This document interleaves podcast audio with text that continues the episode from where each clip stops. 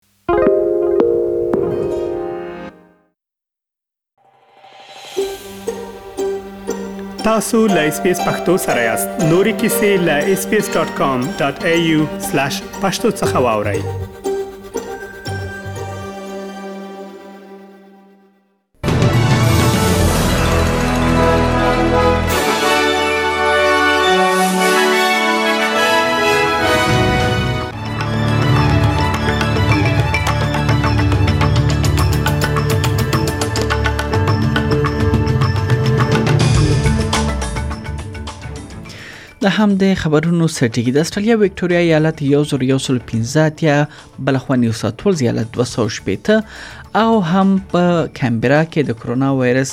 یعنی درې نوې پیښې ثبت شوې دي البته دا د ویلو ده چې په نیوساتول زیالت کې د اومیکرون چې د کرونا وایرس نوې بڼه ده د هغې د پیښو شمیر یو دیشته لوړ شوی دی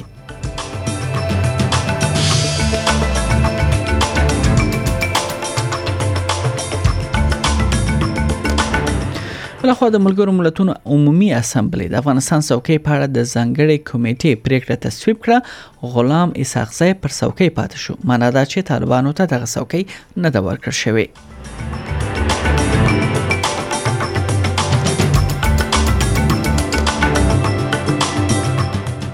د امریکا بهرنیو چارو وزیر خغلی بلینکن د نوبل جایزې ګټونکې ملاله یوسفزۍ کوربه او نوموړی واشنگټن کې بهرنیو چارو وزارت ته دعوت کړو دوړ لورو پر افغان جنو تعلیم باندې خبرې هم کړې دي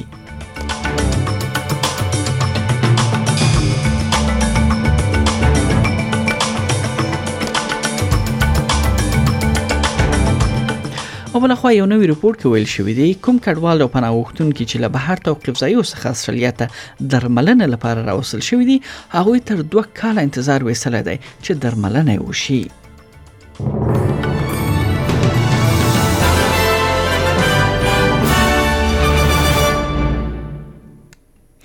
دا هم بشپړ خبرونه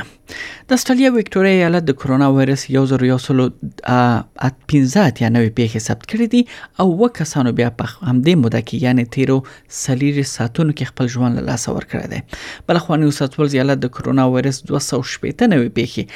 هم ثبت کړي دي او دوه کسانو مړینه ثبت شوې ده نیو ساوث ولز کې د کرونا وایرس نوې بڼه یا اومیکرون باندې اخته کسانو شمیر یو دیش ته لوړ شوی دی شپږ نوې پیښې یوازې په تیرو څلورو ساعتونو کې د همدې د وایرس نوې بڼه څخه ثبت شوې دي د استرالیا پلازمینه کمبرا هم د کرونا وایرس نوې بڼه اومیکرون درې نوې پیښې ثبت کړې دي بلخوا د روغتیا نړیواله ادارې ویلي دي کرونا وایرس له امله نړۍ کې د ملاریا ناروغي په ډېرېدو ده ځکه د نړۍ هیوادونو له ملاریا ناروغي څخه خپل پام اړولی دی د دبليو ایچ او ادارې څخه پیدرو الوسن وایي چې یوازې د کرونا وبا له امله د ملاریا ناروغانو مړین په شمیر کې څو واره ډیروالی راغلی دی او په یو کال کې وسلوېږ زره کسانو خپل ژوند له لاسه ورکړی دی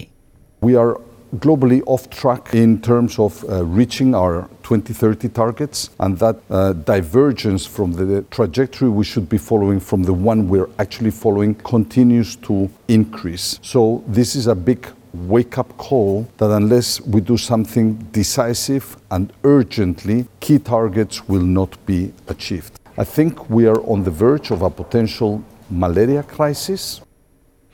بل خو د امریکا بهرنیو چارو وزیر خغلی بلنکلن د د نوبل جایزې ګټونکې ملاله یوسفزۍ کوربه وو او نوموړی یې واشنگټن کې بهرنیو چارو وزارت ته دعوت کړی و دواړو لورو پر زده کړو مسایلو او سیمه ییزو ننګونو خبرې وکړې او په خبرو کې په افغانستان کې د انجونو ښوونځي پر مسلې هم خبرې شوې دي اغلې ملالۍ د امریکا ولسمشر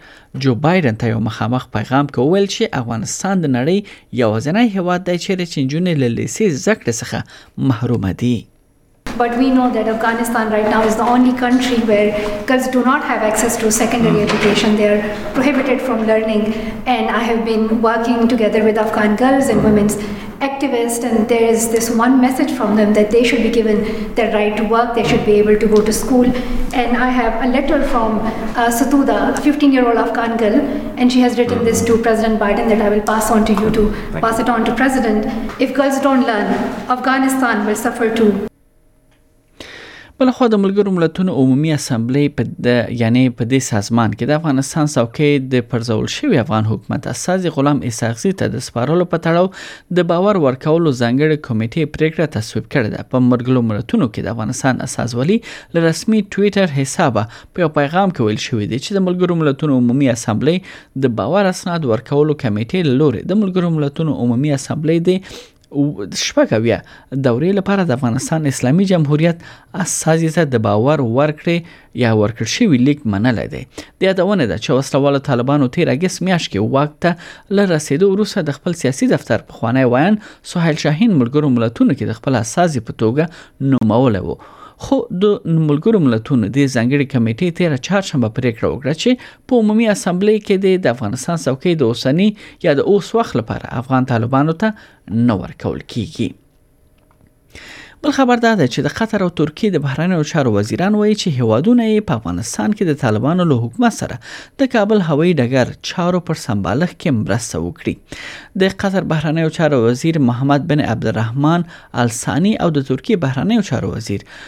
مولود جاوش اوغلو په دوحه کې د دواړو هیوادونو له کلنۍ ستراتیژۍ غونډې لړ کې لیدنه وروسته په ګډه یعنی په د خبري غونډه کې دغه څرګندونه کړې دي د ترکیه بهرنیو چارو وزیر همدې غونډې ته وینا کول چې هیواد یې داسې حال کې په افغانستان کې د سولې او ټیکاو رامنځته کېدو هڅه کوي چې افغانان سملاسي بشري مرستو ته اړتیا لري په ورته مهال د قطر بهرنیو چارو وزیر ویل چې هیواد به له افغانستان سره بشري او اقتصادي مرستو ته دوام ورکړي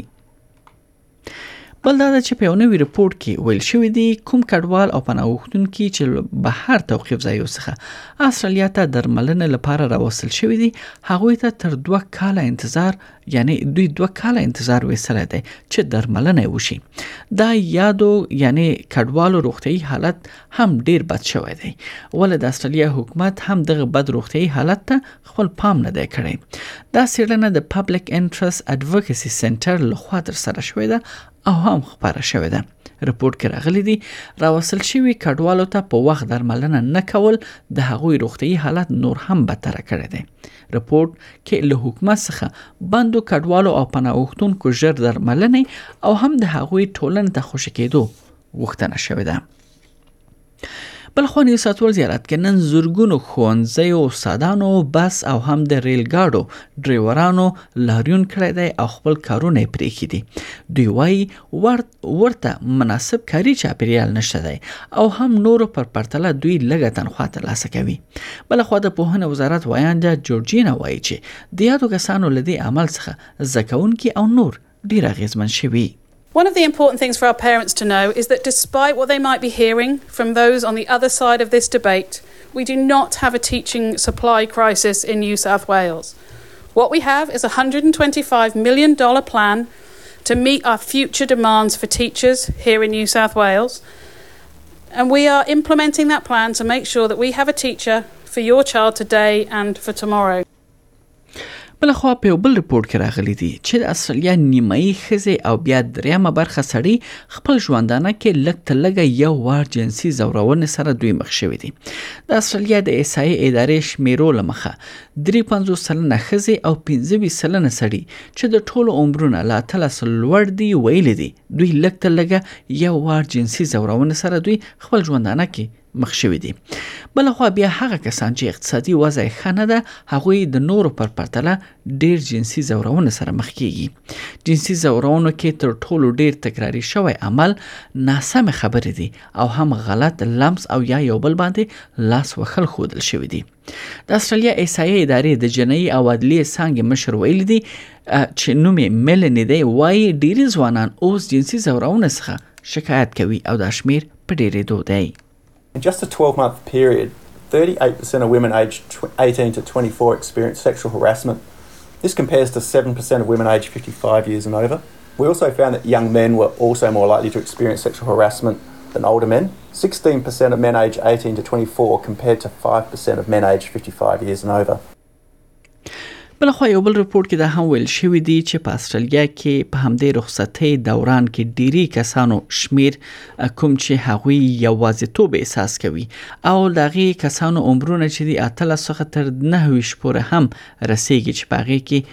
ښځې هم موجوده دي. په دې کې دا ویل شوي دي چې یعنې د کرسمس سیزن کې دوی سم یا کوم کارونه په لاس کې لري، ډیریو ویلي دي چې دوی کوم داسې کار په لاس کې نه لري او د تنهایې احساس کوي.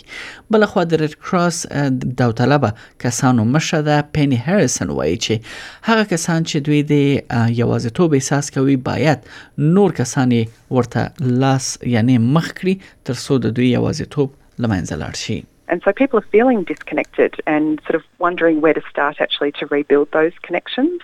And what we know for women is that we feel women really bore the burden of the pandemic, um, working, um, often caregiving, whether that was supporting children or other caring responsibilities.